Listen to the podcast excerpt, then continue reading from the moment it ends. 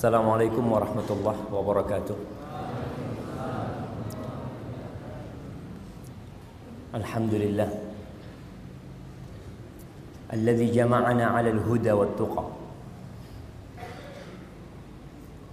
Segala puji bagi Allah yang mengumpulkan kita di atas petunjuk dan ketakwaan kepadanya. Innama ya'muru masajidallah man amana billahi wal yawmil akhir. Wa aqama as-salah wa ata az-zakah wa lam yakhsha illa Allah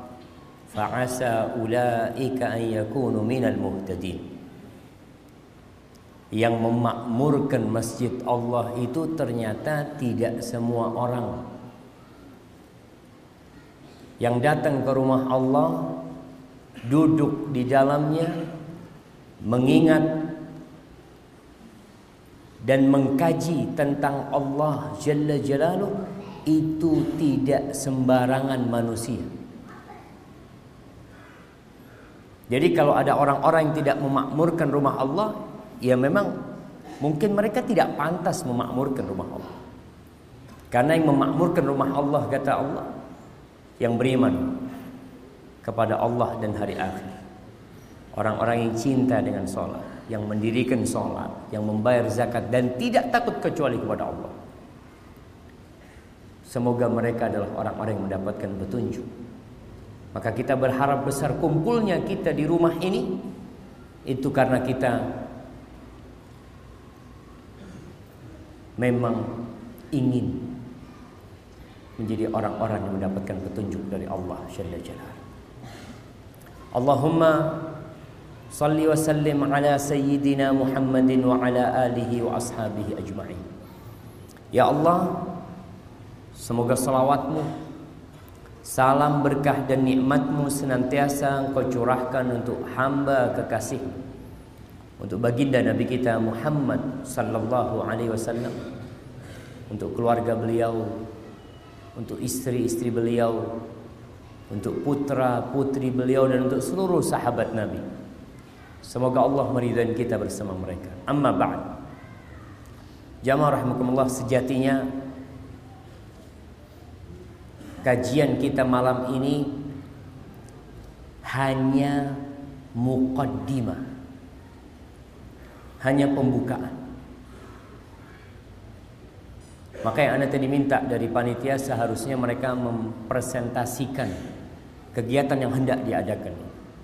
Kalau kita lihat di banner di belakang ini, di sebelah kanan ada tulisan remaja Masjid Al-Ikhlas Bondowoso.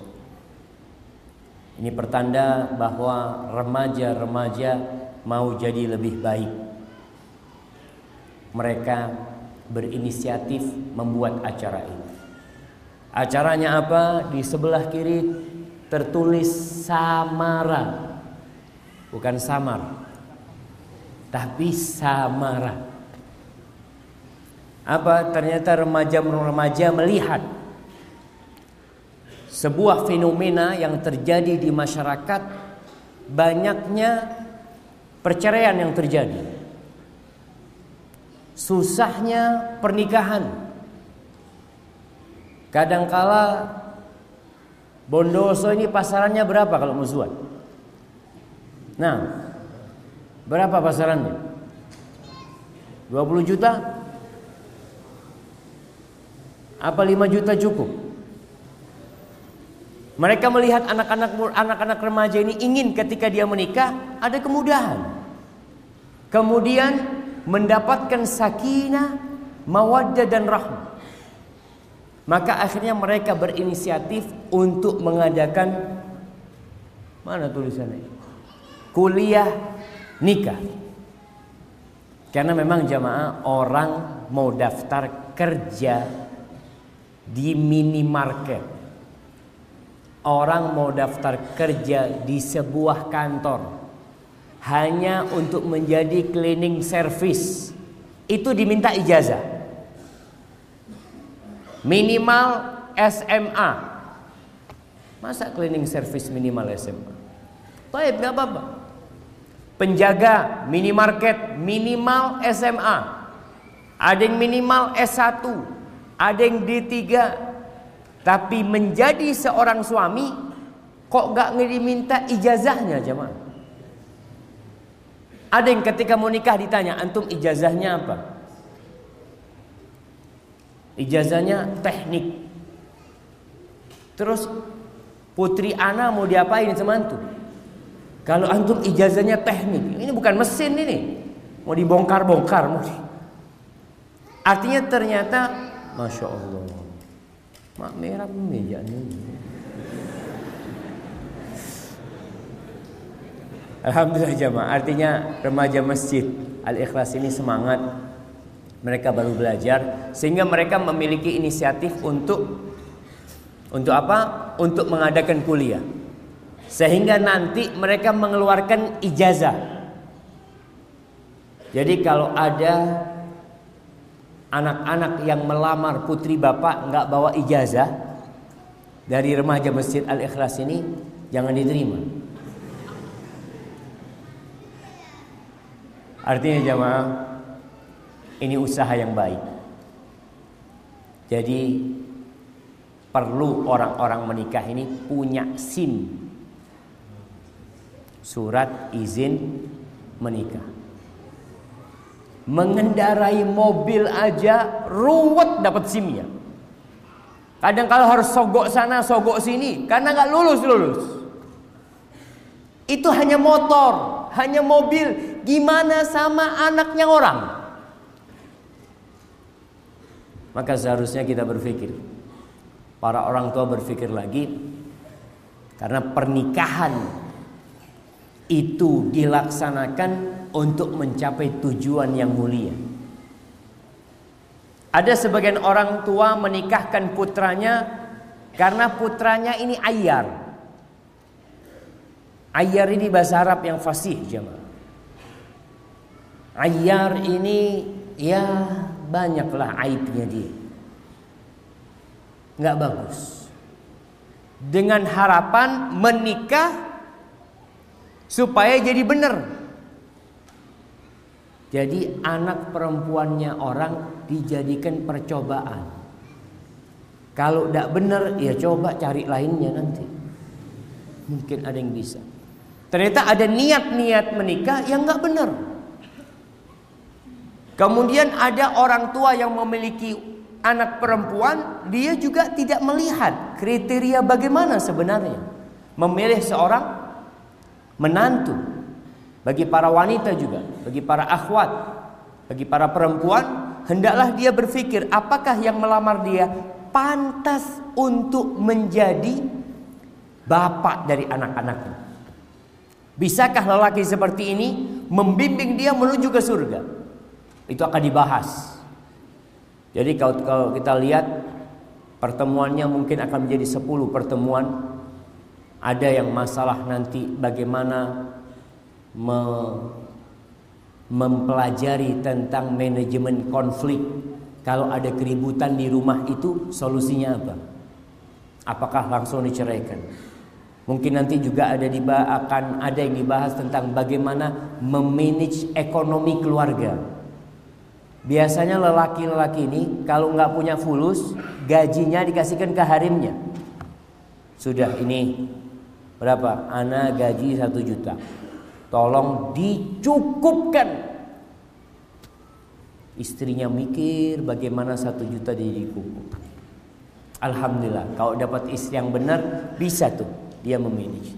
Tapi kalau dapat istri yang nggak benar, tiga hari habis fulus, bang mafi fulus. Terus tidak tahu mau gimana sekarang. Akhirnya ribut. Maka ada banyak hal yang perlu dikaji oleh yang belum menikah dan yang sudah menikah. Yang sudah menikah juga perlu mempelajari. Oh ternyata selama ini anak salah memberikan nasihat kepada istri anak.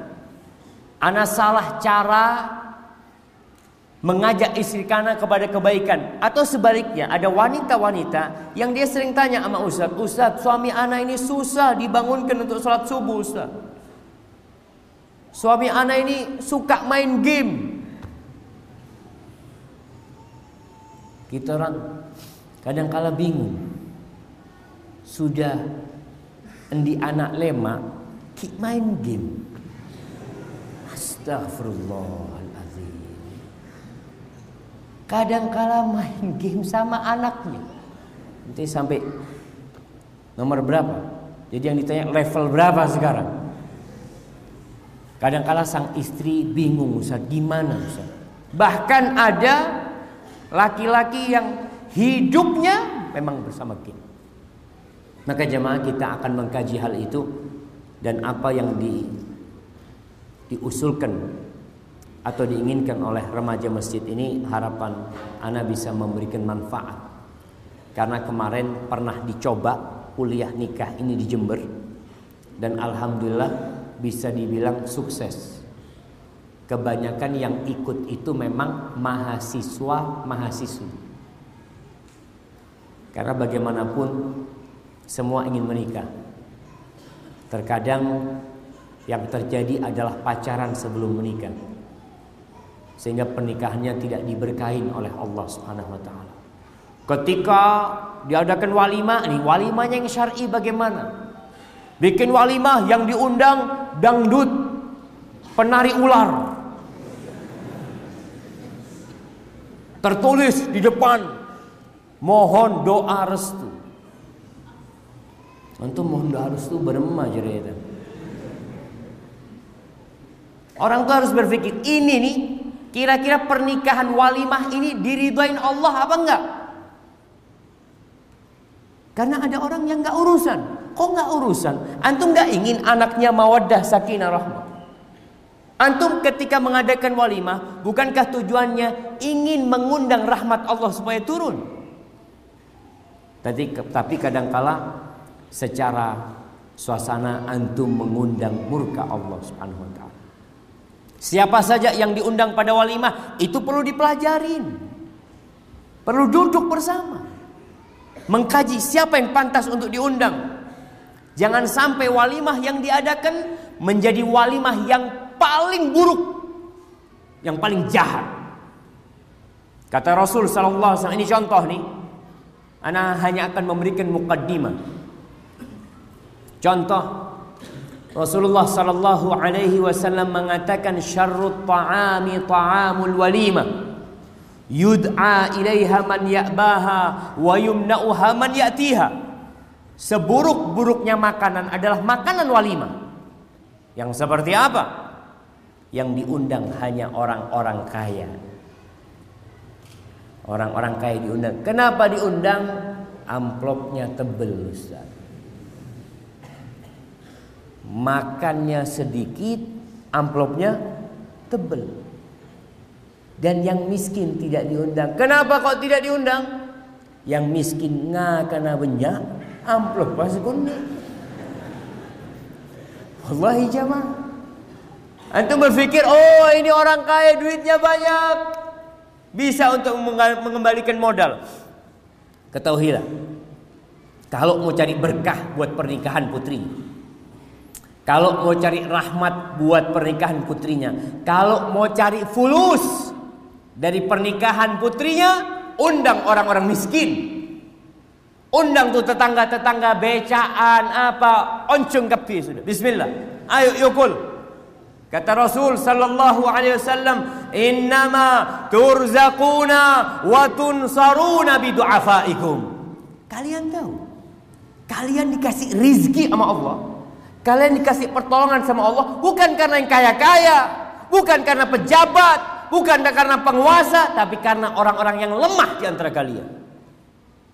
Ini terkadang kita nggak kalau nggak belajar nggak akan dapat tuh ilmu.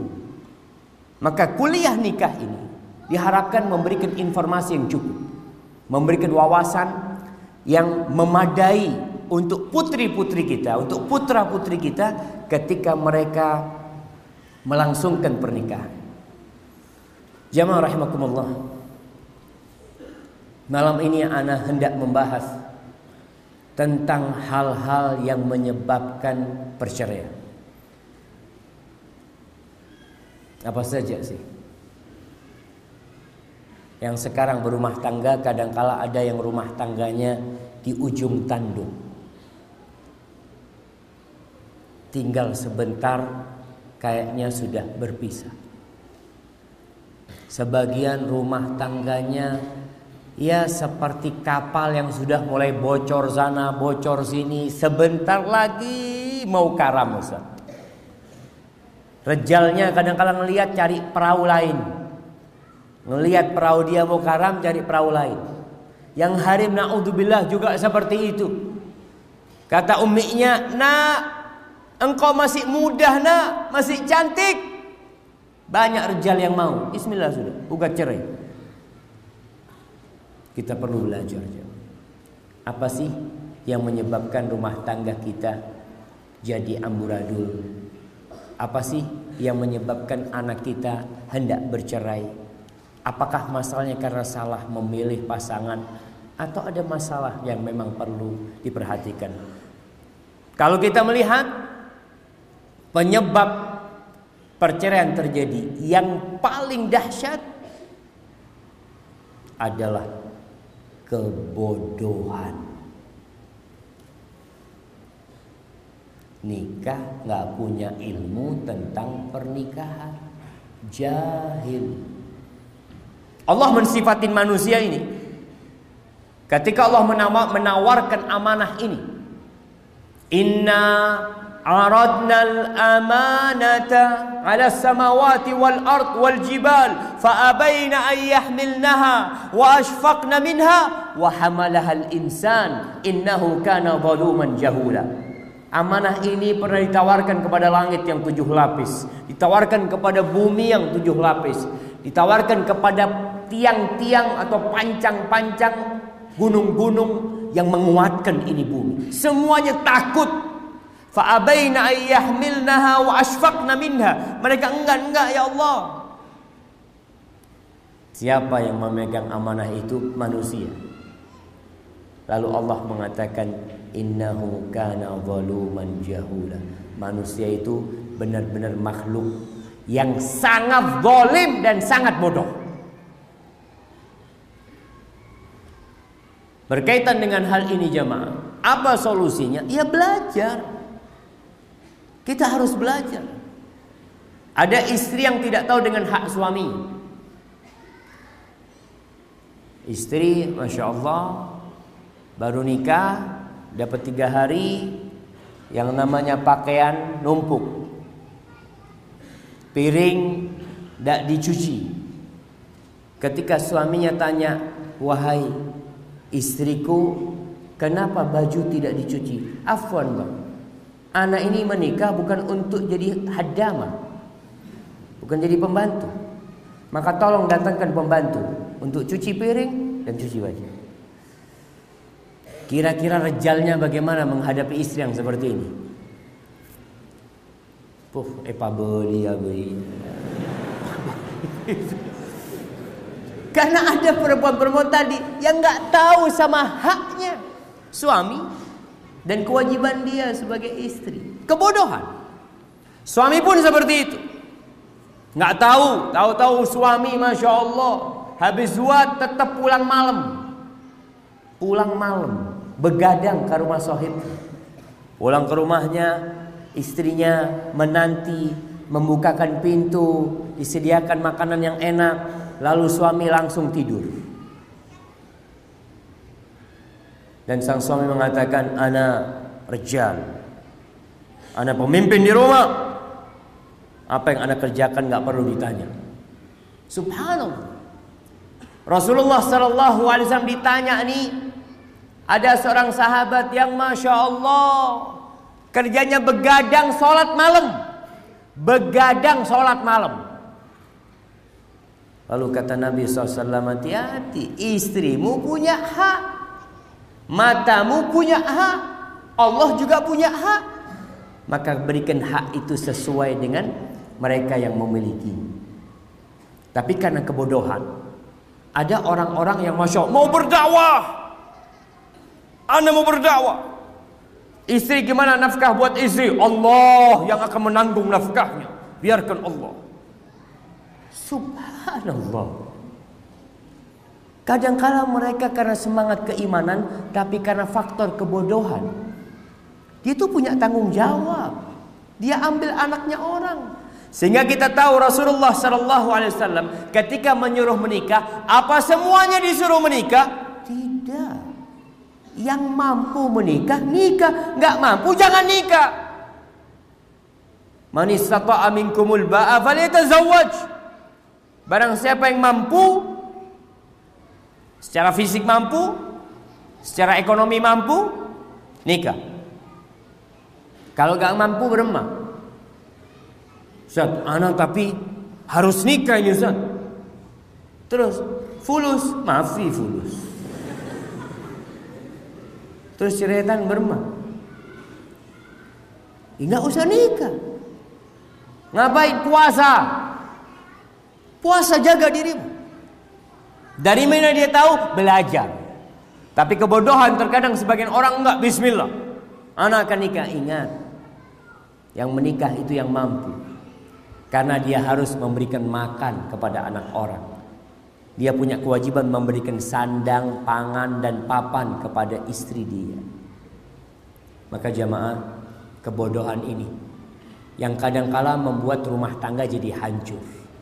Suami marah, Istri ikut marah. Kenapa? Ustaz, saya tak salah. Saya tidak mau diinjak hak saya. Saya ini termasuk gadis yang paling dihormati di kampung Arab sini. Ustaz. Masa laki-laki kayak gini anda diamkan? Oh, ini faktor kebodohan. Karena kita tahu di dalam syariat Islam ini, kalau suami marah, istri jangan ikut marah, neng-neng, ngalah.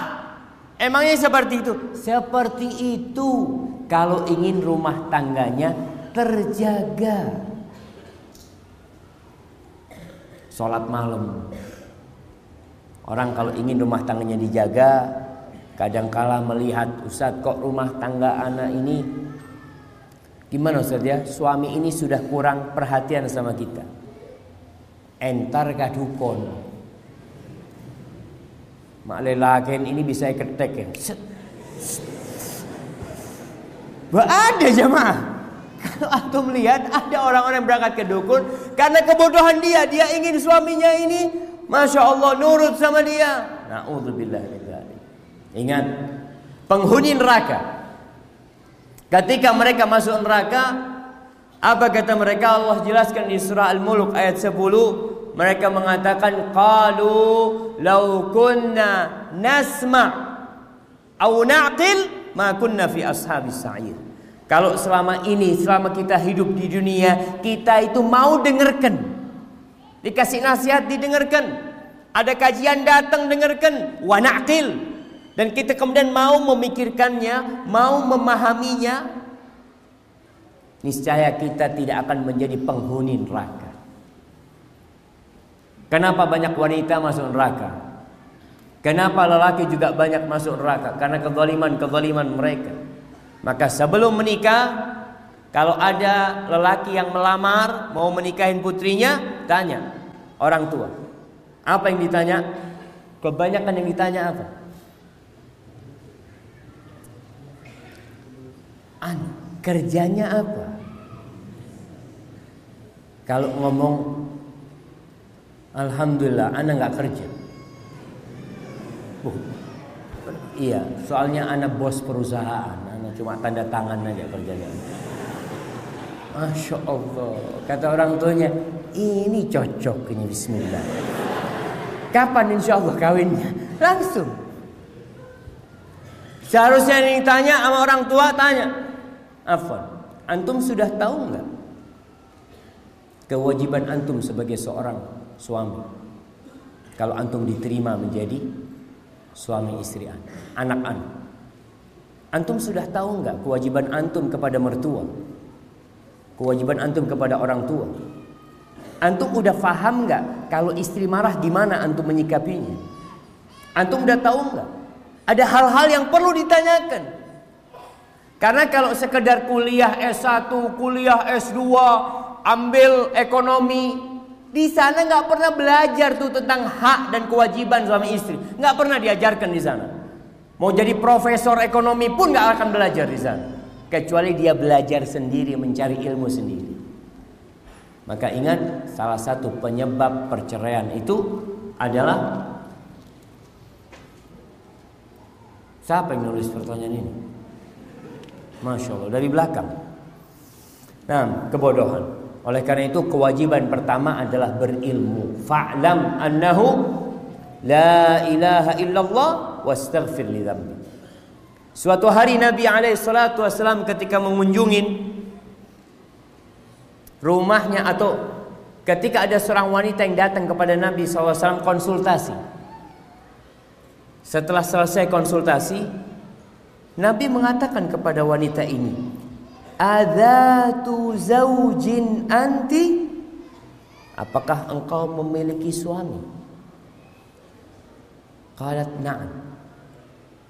Perempuan ini mengatakan, "Iya, aku punya suami." Kaifa anti lahu? Gimana sikapmu kepada suamimu? La aluhu illa ma. Rasul, aku tidak pernah mensia-siakan dia. Aku selalu melayani dia kecuali yang aku nggak mampu. Lalu apa kata Nabi SAW? Unduri aina antimin fa inna ma huwa jannatuki au naruki. Nih, Nabi SAW kasih ilmu kepada perempuan ini. Lihat bagaimana sikapmu kepada suamimu. Suamimu itu surgamu atau neraka. Ilmu diberikan oleh Nabi SAW. Sehingga wanita ini jadi tahu, jangan main-main engkau. Suami ini jadi penentu engkau masuk surga atau masuk neraka. Apabila engkau melaksanakan kewajibanmu sebagai istri, memberikan hak-hak suamimu, insya Allah engkau akan masuk neraka. Tapi itu yang pertama. Penyebab yang kedua adalah dhaful iman. Lemahnya iman. Ilmu punya tapi kurang diamalkan. Jamaah azan jam berapa? Belum masuk kan? Hah? Belum, jam berapa azan?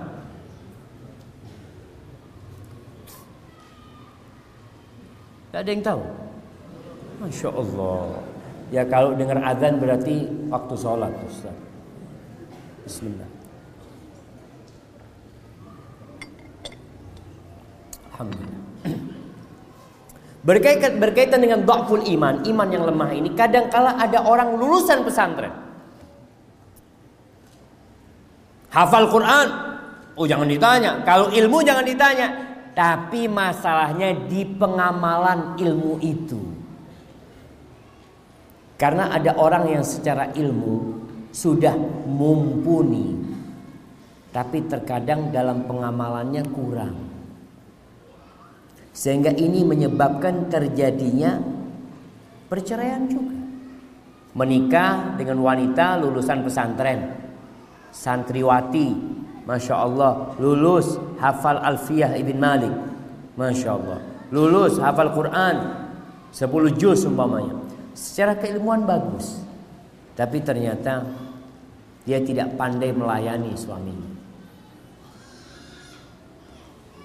Kalau hadis-hadis dia hafal. Bahkan kalau ribut sama suaminya, istrinya langsung mengatakan qala Rasulullah sallallahu alaihi wasallam khairukum khairukum li ahli. Orang yang terbaik di antara kalian adalah yang paling baik sama istrinya. Anda lihat engkau baik sama sahib-sahibku. Engkau baik sama tetanggamu, tapi sama aku kau gak baik. Ini repot. Mun endi bini pinter ini jamaah fuh.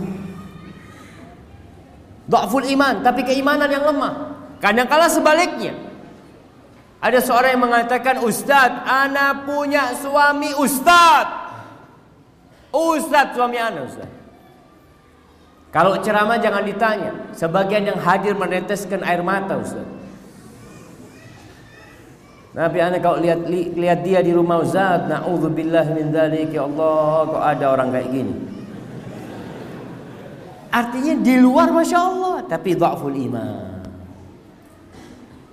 Maka jemaah Hasan Al-Basri ketika ditanya dengan siapa menikahkan putrinya. Ditanya ada orang konsultasi dengan siapa aku menikahkan putriku? Apa kata Hasan Al-Basri? La tuzawwij ibnataka illa min taqi. Jangan pernah engkau menikahkan putrimu kecuali dengan orang yang bertakwa. In ahabbaha akramaha wa in lam yuhibbaha lam yadrimha. Orang yang bertakwa itu kalau dia cinta sama istrinya, dia akan muliakan istrinya. Tapi kalau dia nggak suka sama istrinya, dia tidak akan membolimin istrinya. Karena dia takut sama Allah. Maka berkaitan dengan ta'ful iman ini jamaah. Akhlak menjadi salah satu indikator kuatnya iman. Akhlak menjadi salah satu indikator kuatnya iman seseorang.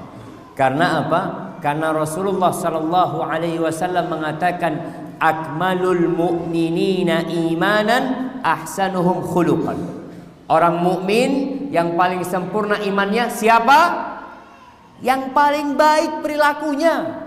Bukan yang paling banyak sholatnya Bukan yang paling banyak hafalan Qur'annya Bukan yang paling banyak hafalan hadisnya Bukan yang paling panjang jenggotnya Orang berpikir, puh, menjemun lanceng ini imannya kayaknya kuat. Tidak ada jemaah. Tapi yang menjadi indikator orang itu imannya kuat adalah akhlak. Akhlak. Maka tolong perhatikan hal ini. Jadi kalau kita lihat rumah ini sudah mulai nggak benar, berarti keimanan dua-duanya mungkin perlu diperbaiki. Mungkin nggak pernah sholat malam lagi. Kadang kala suaminya sebelum nikah, masya Allah, jangan ditanya puasa Senin Kemis, selalu dia jaga. Sholat malam dia lakukan. Setelah menikah habis semuanya. Kenapa? Mau puasa sunnah? Kata istrinya, nggak usah lah bang. Diturutin istrinya. Mau sholat malam, dipegangin sarungnya sama hari ini. Tak teti sudah semua. Maka ingat, itu penting. Tatkala rumah tangga kacau, perbaiki hubungan sama Allah. Kuatkan imannya supaya Allah memperbaikinya. Dosa menjadi salah satu penyebab terjadinya percekcokan dalam rumah Orang-orang yang berbuat dosa di luar rumah atau istri yang berbuat dosa di dalam rumah, suaminya nggak tahu sampai rumah itu akan ada jarak. Kok rasanya nggak enak sama istri? Istri juga nggak enak sama suaminya. Apa penyebabnya? Dosa. Baik. Yang ketiga yang menyebabkan terjadinya perceraian adalah su'ut tasarruf. Sikap yang kurang baik. Jemaah mau tidak mau dua sejoli, dua pasangan, dua manusia yang mereka tidak saling mengenal yang mereka terlahirkan dari rahim yang berbeda kemudian masuk ke satu rumah akan terjadi gesekan di antara keduanya itu hal yang wajar itu biasa kadangkala istri nggak tahu dengan kesukaan suaminya ada lelaki-lelaki yang paling gak suka sama ikan asin. Istrinya Masya Allah. Seneng sama ikan asin. Dia gorengkan ikan asin. Dia berikan kepada suaminya. Bang ini zen bang. Akhirnya suami keluar beli makanan di warung. Makan sendiri. Seharusnya tidak seperti itu. Maka diperlukan hikmah dalam menyikapi semua peristiwa yang terjadi dalam rumah. Bagi para wanita, suaminya pulang malam. Ditunggu di depan pintu sama istrinya. Hmm. Sambil dia sudah siapkan semua kata-kata yang mau disampaikan kepada rejalnya. Pas buka pintu, tunggu dulu sana. Jangan masuk. Mau ribut.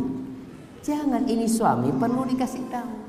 Jadi usahakan para wanita, para wanita yang nasihat anak kepada kepada para wanita semuanya, kalau suaminya pulang ke rumah mau tepat waktu, mau tidak tepat waktu, jangan ditanya dari mana. Pertanyaan dari mana itu dihapus sudah, nggak ada lagi dari mana. Bapak-bapak suka kalau ditanya sama istrinya dari mana. Sudah apeloan, datang dari mana situ? Jangan diganti pertanyaannya apa? Mau apa? Suaminya datang tanya, mau apa bang? Mau yang panas apa yang dingin? Allah. Itu suami kalau kayak gini, Masya Allah, dikunci langsung ke kamar. Sudah, sudah, Bismillah, sudah. Jadi banyak masalah terjadi karena sikap yang kurang baik, jemaah menyikapi permasalahan itu. Jadi ada suami yang terus terang Anda berjumpa dengan seorang suami dan berjumpa dengan istrinya juga. Anda berjumpa dengan dua orang yang bertikai. Ini dua orang kaya raya. Masya Allah. Kalau Anda sebutkan namanya antum tahu. Nama orang ini terkenal. Anda tanya, kenapa bang? Kata dia, Ustaz, anak ini selalu pulang itu nunggu anak-anak tidur Ustaz. Soalnya kalau anak pulang anak-anak belum tidur, anak mesti ribut sama istri anak. Anak kesian sama anak-anak anak. Kenapa istri anak akan tanya dari mana, duduk sama siapa, ngomong apa, makan apa? Ya Allah Ustaz, anak habis kerjaan capek, ingin di rumah, ada yang pinjetin anak, ada yang mendoakan anak, sampai rumah anak kayak masuk di penyidikan polisi. 23 pertanyaan selama satu jam. Banyak. Akhirnya anak milih pulang nunggu anak-anak tidur. Akhirnya anak tanya sama istrinya. Apa benar seperti itu? Iya Ustaz, soalnya dia pulangnya malam terus. Oh ini panas pacet ini jangan. Ya akhirnya anak sampaikan ada hal-hal yang bagaimana istri menciptakan suasana yang romantis dalam rumah. Sehingga suami itu kalau makan di warung, makan rawon di warung, aduh cia enakan punya istri anak. Gimana itu bisa terjadi? Ketika pulang kerja diajak sahibnya, ayo makan di warung ini biasanya mereka kuliner, dia mengatakan, "La, kenapa? Ada yang nunggu ana di depan pintu rumah ana." Subhanallah. Jadi suami ketika selesai kerja yang ada di benak dia kepingin pulang. Tapi berapa banyak suami yang pulang kerja ribut sama istrinya mandi ba'dal maghrib keluar lagi majlas di tempat sohibnya ngobrol nunggu istrinya tidur baru dia bisa tidur maka tolong sikapi dengan yang baik perempuan punya kekurangan ini buat para lelaki.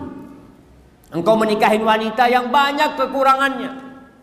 Yang hari-hari akan menyikap oh ternyata istriku seperti ini istriku seperti ini. Iya bagaimana menyikapinya? Kata Rasul sallallahu alaihi wasallam la yafraq mu'minun mu'min. Seorang lelaki yang beriman seorang suami yang beriman nggak boleh dia membenci istrinya yang beriman in kariha minha khuluqan radiya minha akhar. Kalau ada perilaku istrinya yang tidak dia sukai bukankah ada perilaku lain yang baik buat dia? Maka diperintahkan untuk melihat kepada sisi positif istrinya. Bukan melihat kepada yang negatif. Ini sikap. Tidak semua bisa jamaah ada orang-orang yang suka menyimpan dendam perempuan-perempuan juga seperti itu. Ada yang menyimpan dendam. Suaminya pernah mengatakan perkataan yang menyakitkan hati ya. Kemudian dia ingat selalu.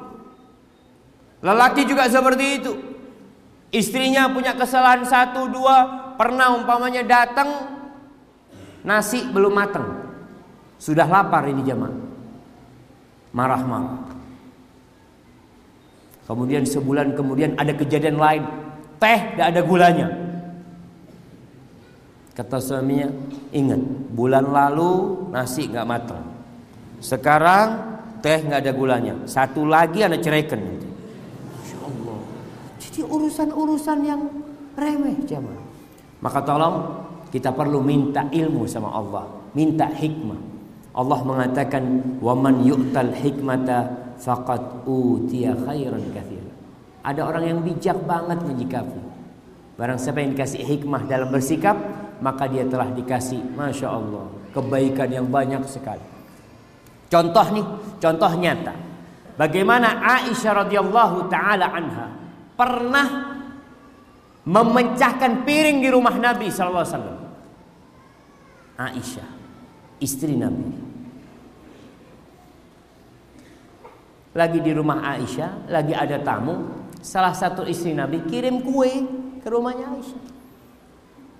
Sama Aisyah ditampel pecah. Biar kita lihat bagaimana Rasulullah sallallahu alaihi wasallam menyikapi hal ini. Beliau sama sekali tidak marah. Beliau hanya mengambil itu makanan kemudian diberikan kepada tamu-tamunya. Ini di depan tamunya.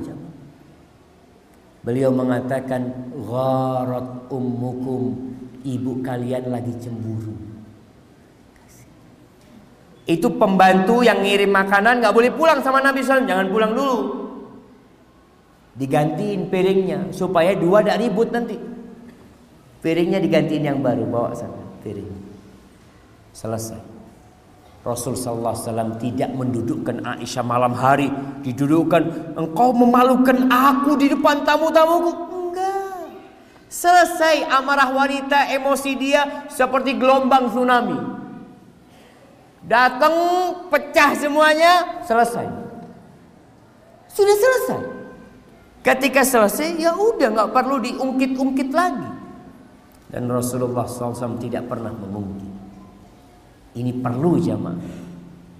Bijak dalam menyikapi itu penting. Baik, udah azan belum? Nah, fadal, siapa yang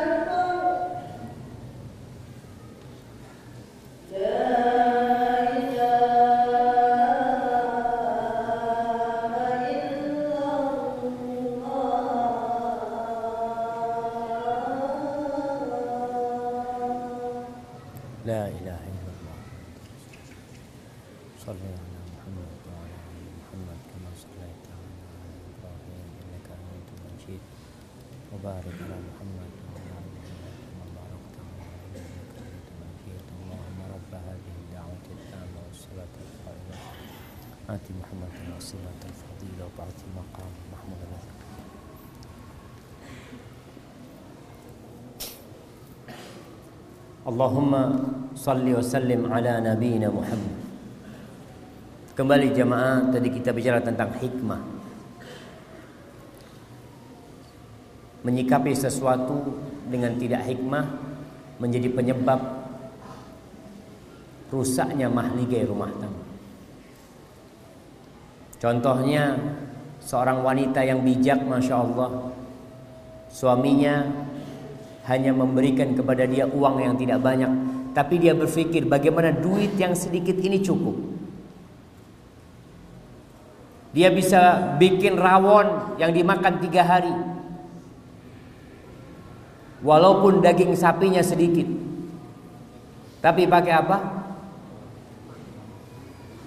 Tambahin apa supaya bisa terong? Masa begitu? Bukan terong jamaah tewel. Dia bagaimana menciptakan suaminya ketika makan di di meja makan itu jadi indah. Ketika dia mengatakan umpamanya bang, afwan bang, hanya ini yang bisa aku subuhkan. Jadi sang suami ditemenin makan sudah seneng. Karena ada seorang lelaki yang ya Allah dikasih makanan yang zen sama sama istrinya disuguhkan di meja makan lalu ditinggal nonton TV. Apa kata laki? Eh, mari sini. Saya benih gocengnya. Di sini, Mas. Ya ada orang yang yang nggak bijak menyikapi gitu Maka ingat wanita yang soleha yang dia bisa menyikapi kondisi, kondisi suami marah, kondisi rumahnya.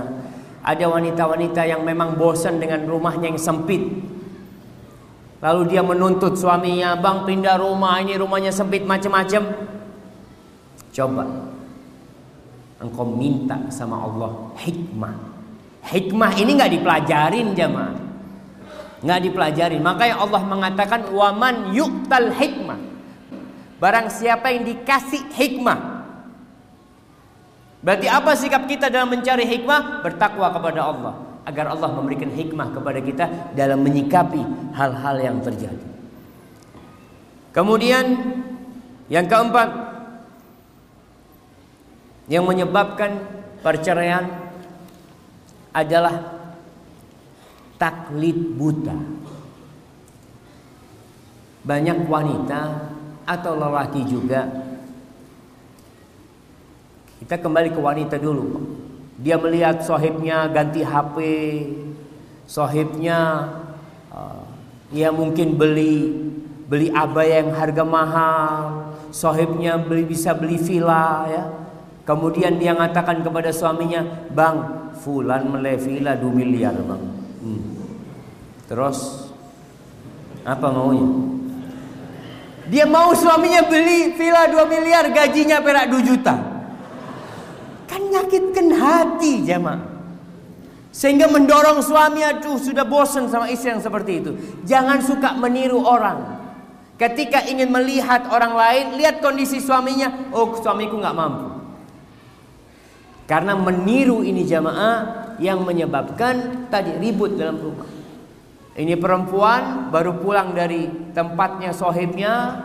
Ada acara, ada apa, pulang. Ngatakan kepada suaminya, Bang, Iya. Ana bang baru dari rumahnya Fulana. Masya Allah bang. Kursi di rumahnya itu bagus banget tadi. Dan nggak mahal katanya bang. Berapa? Ya 32 juta. Hmm, ya. Oh neku songot pas 32 juta. Wallahi jamaah ada hal-hal Jangan niru orang, sudah lihat jadilah diri sendiri. Dan jangan suka membandingkan suaminya dengan suami orang. Laki-laki juga nggak boleh membandingkan istrinya dengan istri orang. Puh, Masya Allah Istrinya Fulan Masya Allah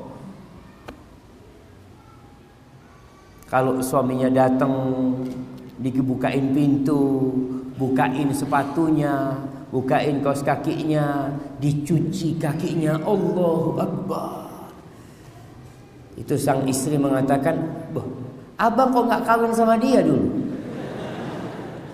Kok milih anak Ribut lagi jauh ada hal-hal tadi. Jangan taklid buta. Dan jangan suka membanding-bandingkan istrinya dengan orang lain. Masih banyak lain yang lainnya jemaah. Yang terakhir adalah kesibukan suami. Ada suami-suami yang terlalu sibuk sehingga jarang di rumah. Bahkan ada suami yang bekerja ke luar negeri sampai bertahun-tahun. Yang akhirnya keharmonisan hilang di dalam rumah. Atau juga ada suami-suami yang hadir di dalam rumah tapi goib sebenarnya. Sampai disebut al-hadir al-ghaib. Suaminya mana? Ada di rumahnya. Ada tapi tidak ada juga kata dia. Ada di mana? Ada di kamar kata dia. Tapi pegang HP, nunduk terus, ketawa sendiri. Ini hadir gaib suaminya coba.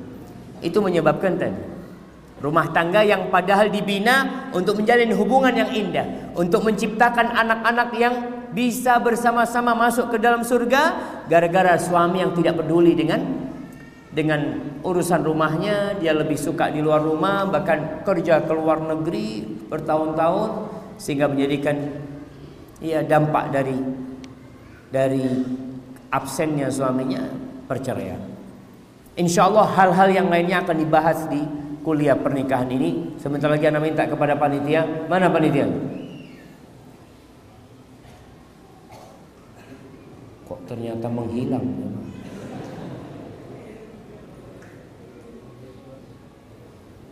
Mana ketua panitia? Siapa ketua panitia? Rehan. Ya Rehan. Nah, Anda minta dari ketua panitia untuk mempresentasikan nanti kegiatan ini sebelum ditutup. Jadi Anda mohon antum sabar. Paling tidak kalau antum nggak mau ikut, bisa nanti memberikan informasi kepada yang lainnya, teman-teman yang mau menikahkan anaknya, orang-orang yang mau me menikah sendiri sehingga bisa diberikan masukan buat mereka untuk mengikuti kuliah. Tapi ini ada pertanyaan. Pak Ustadz, kriteria istri yang ide, yang ideal itu bagaimana? Apa yang harus bekerja kesehariannya? Siapa tahu di atas ada stok akhwat yang siap nikah. Kayak barang aja pakai stok-stokan. Ya, antum nanti ikut. Ikut kajian ini kalau memang antum punya niat nikah, niatkan jamaah. Artinya ilmu itu perlu diniatkan. Memang orang Masya Allah Memang orang mau menikah ya belajar Belajar Kalau nggak salah kuliahnya berbayar jemaah Iya Bayar berapa? Bayar 150 150 terakhir dapat istri soleha. Murah apa mahal? Murah Ustaz. 20 juta mah bayar dia. Pokoknya terakhir dapat istri soleha. Alhamdulillah. Artinya itu jamaah duit 150. Kemarin Anda banyak ditanya. Terus terang. Anda ditanya. Kenapa Ustaz kok kajian Ustaz berbayar? Itu banyak yang masuk. Maka anda sampaikan bahwasanya sebenarnya itu bukan bayaran buat ustadz. Itu 150 ribu untuk 10 kali kajian. Yang itu akan dikembalikan kepada peserta. Remaja masjid juga tidak mencari keuntungan di sana. Bahkan mungkin mereka juga ya mengeluarkan tambahan di sana. Tapi uang ini perlu diminta untuk melihat keseriusan mereka belajar. Orang belajar ilmu umum aja jamaah jutaan. Mereka belajar. Ikut training ini jutaan. Training tiga hari bayar dua juta. Ini untuk mendapatkan rumah tangga yang sakinah, mawaddah dan rahmah dan ingat uang itu akan kembali kepada peserta semua. Jadi bukan untuk memperkaya Masjid Al-Ikhlas, alhamdulillah Masjid Al-Ikhlas dan remajinya udah cukup, tapi ingin memberikan kontribusi kepada umat Islam. Maka tolong nanti disampaikan tentang bagaimana kuliah ini. Bagaimana merayu ortu agar merestui pernikahan. Ya, nanti antum belajar juga nanti. Apa trik-trik supaya ortu merestui pernikahan? Terus terang jamaah banyak orang tua belum merestui Anak katakan belum merestui anaknya menikah di umur yang masih sangat belia. Anaknya umur 20 mau menikah. Anaknya umur 21 mau menikah. Orang tua masih bingung, kenapa? Orang tua takut kebaktian anaknya diambil sama istrinya nanti. Orang tua belum merasakan anaknya berbakti, tahu-tahu anaknya menikah, selesai sudah. Maka yang perlu antum yakinkan kepada orang tua, wahai ayah, wahai bunda, anak akan menikah, izinkan. Dan anak akan mencari istri yang mendukung anak untuk berbakti kepada ayah dan bunda. Kalau suatu saat istri anak kurang ajar sama ayah dan bunda atau menghalangi anak untuk berbakti kepada ayah dan bunda, ibu tinggal nyuruh anak ceraikan dia, anak ceraikan. Perlu yakinkan orang tua bahwasanya antum akan tetap berbakti sama orang tua. Dan antum perlu sampaikan kepada istri antum bahwa antum akan berbakti sama orang tua. Karena bagaimanapun seorang anak lelaki sampai kapan pun dia tetap wajib berbakti sama orang tuanya. Tapi anak perempuan tetap wajib berbakti sama orang tuanya dengan semua keterbatasan. Karena dia sudah jadi milik orang lain. Maka ini yang perlu diyakinkan kepada orang tua. Orang tua takut. Atau mungkin orang tua takut anaknya belum bisa memberikan nafkah. Merepotkan orang tuanya. Ada anak-anak mau nikah kuliah Terus orang tuanya ngomong, ayah ini biayain kuliah engkau masih repot, nggak banyak duitnya ayah. Kalau engkau nikah, gimana nanti? Jadi perlu dilihat apa penyebab orang tua belum merestui.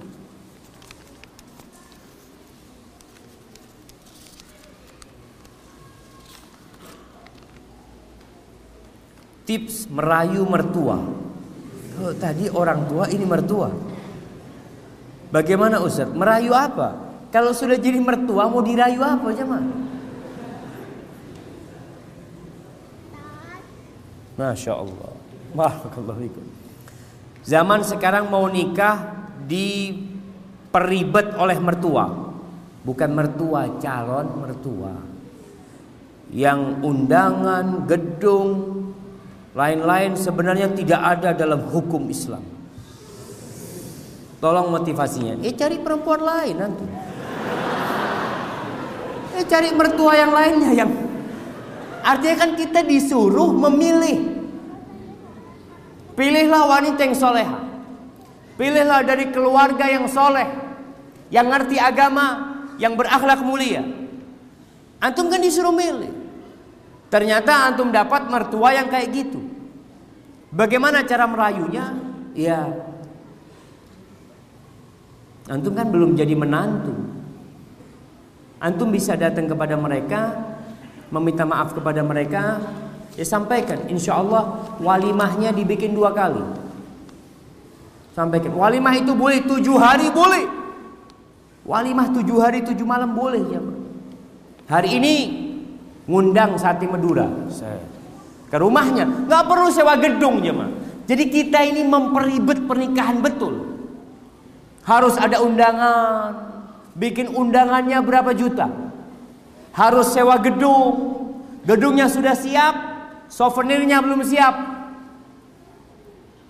Yang anak muda sudah palengan cedak ini souvenir ada souvenir. Dan kadangkala ada unsur di sana yang tidak diridhoi Allah Subhanahu wa taala. Unsur kesombongan, untuk menunjukkan kepada orang bahwasanya pernikahan anak-anak habis sekian, habis sekian, habis sekian. Kesian jangan. Cobalah cari ridha Allah Subhanahu wa taala. Maka kita di mertua juga perlu belajar. Perlu belajar. Tapi ingat, boleh pernikahan walimanya tujuh hari tujuh malam. Boleh kalau dia memang mampu. Tapi kalau nggak mampu, jangan dibebankan. Mampu satu ekor kambing, satu ekor kambing. Nggak harus mengundang orang sekampung, nggak harus. Bisa jadi yang diundang satu RT. Memang itu kemampuan dia. Kenapa dibebankan kepada anaknya yang mau menikah atau menantunya yang mau menikah? Mampu satu ekor kambing, satu ekor kambing. Yang diundang ya sudah 20 orang. Ustaz, nanti sisanya gimana Ustaz?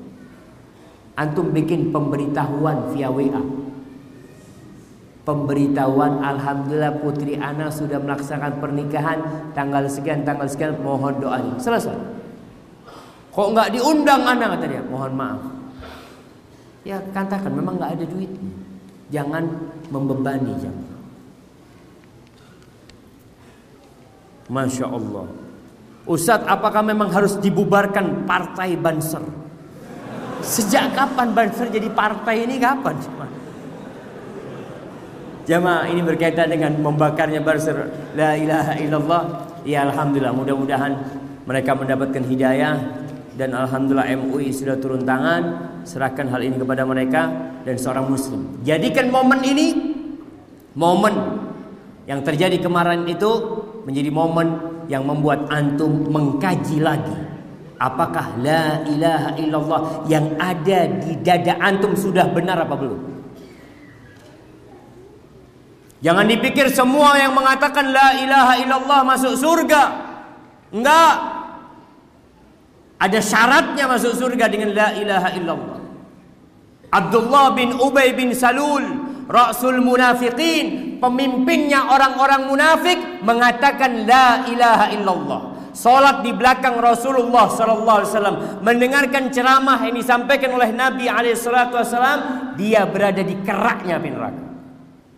Dan dia mengatakan la ilaha illallah. Ingat bukan hanya ucapan di lisan la ilaha.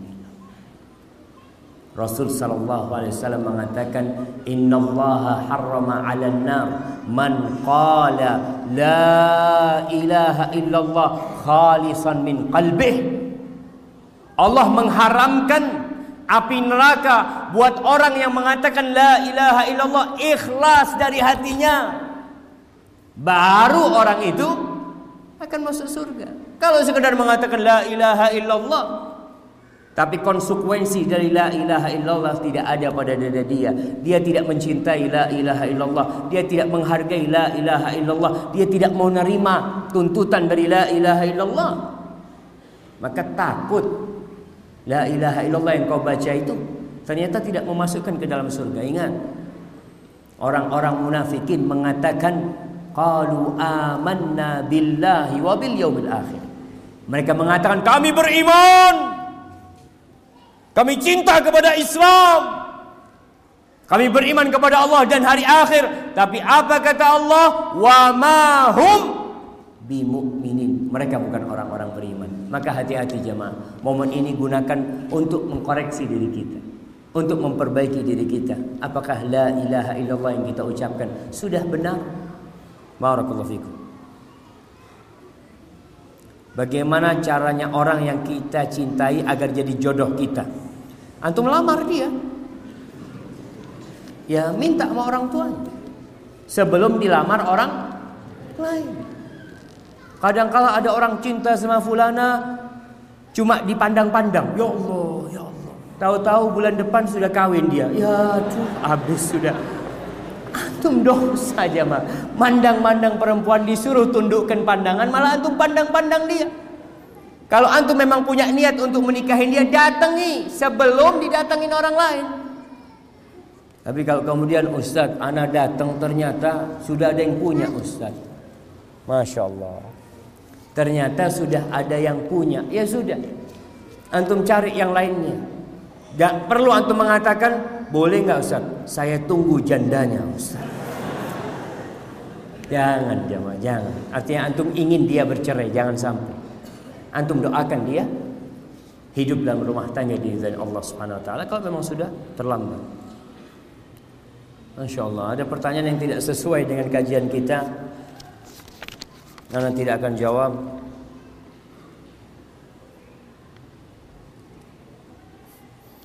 Ustadz saya mau bertanya. Masya Allah Apa tanggapan Ustadz jika istri suka tubuh six pack untuk suaminya? Sedangkan suaminya tidak six pack, mungkin one pack suaminya one pack. Apa yang harus dilakukan istri agar menerima keadaan suami? Yang pertama, ini suami suka memandang yang tidak dihalalkan. Maka tadi salah satu yang menyebabkan perceraian itu membandingkan suaminya dengan orang lain. Ketika seorang wanita suka melihat lelaki lain, ya, lelaki-laki mungkin yang di iklan-iklan, badannya masya Allah, ada enam kotak di perutnya, dilihat suaminya hamil tiga bulan. Ini berema ceretan Pak Ustadz, kata dia. Ya tunggu lahir suaminya. Kalau suaminya lahiran selesai urusannya. Nggak mungkin jemaah. Artinya bagaimana supaya istri ini menerima? Tundukkan pandangan. Jamaah lelaki empat perempuan tidak cukup kalau dia tidak menundukkan pandangannya. Sepuluh wanita tidak cukup kalau dia tidak menundukkan pandangannya. Tapi kalau dia menundukkan pandangannya, selesai. Dia akan ridho dengan ada yang di dalam rumahnya. Maka lelaki-laki yang suka membuang, melemparkan pandangan matanya kepada yang haram-haram, dia lihat istrinya, ya Allah, istri anak, kok kayak tong gini gitu. Kenapa? Karena antum memandang yang yang ramping-ramping. Maka tundukkan pandang. Istri pun seperti itu. Bagaimana supaya menerima? Jangan memandang lelaki yang bukan mahramnya, yang tidak halal untuk dipandang. Dan ketika mendapatkan suami yang one pack Tapi antum sampaikan Alhamdulillah Ustaz Dia one pack tapi baik banget. Daripada six pack suka ngukul orang.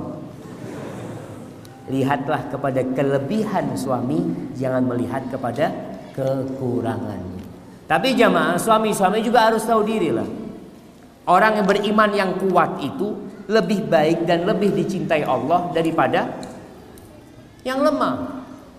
Maka usahakan suami ini olahraga ya. Suami ini memiliki tubuh yang sehat seperti itu sehingga dia bisa menyenangkan istrinya. Jangan cuma menuntut istrinya supaya langsing tapi dia ngakan melulu. Maka tolong harus harus seimbang lah. Allah mengatakan walahunna mithlul ladzi alaihinna bil ma'ruf dan wanita-wanita itu memiliki hak setara dengan dengan kewajiban dia. Tapi masih banyak pertanyaan lainnya. Rasa pertanyaan ini mudah-mudahan nanti dikumpulkan oleh panitia untuk dipilah diberikan kepada ustadz yang memang menjadi tema kajian dia ketika nanti membahas tentang kuliah pernikahan. Baik, Anda minta kepada panitia siapa yang mau menyampaikan presentasi tentang kuliah nikah ini? Masya Allah. Baik, Anda cukupkan sampai di sini. Subhanakallahumma bihamdika asyhadu an la ilaha illa anta astaghfiruka wa atubu ilaik. Antum jangan ke mana mana Antum akan mendengarkan presentasi dari panitia. Barakallahu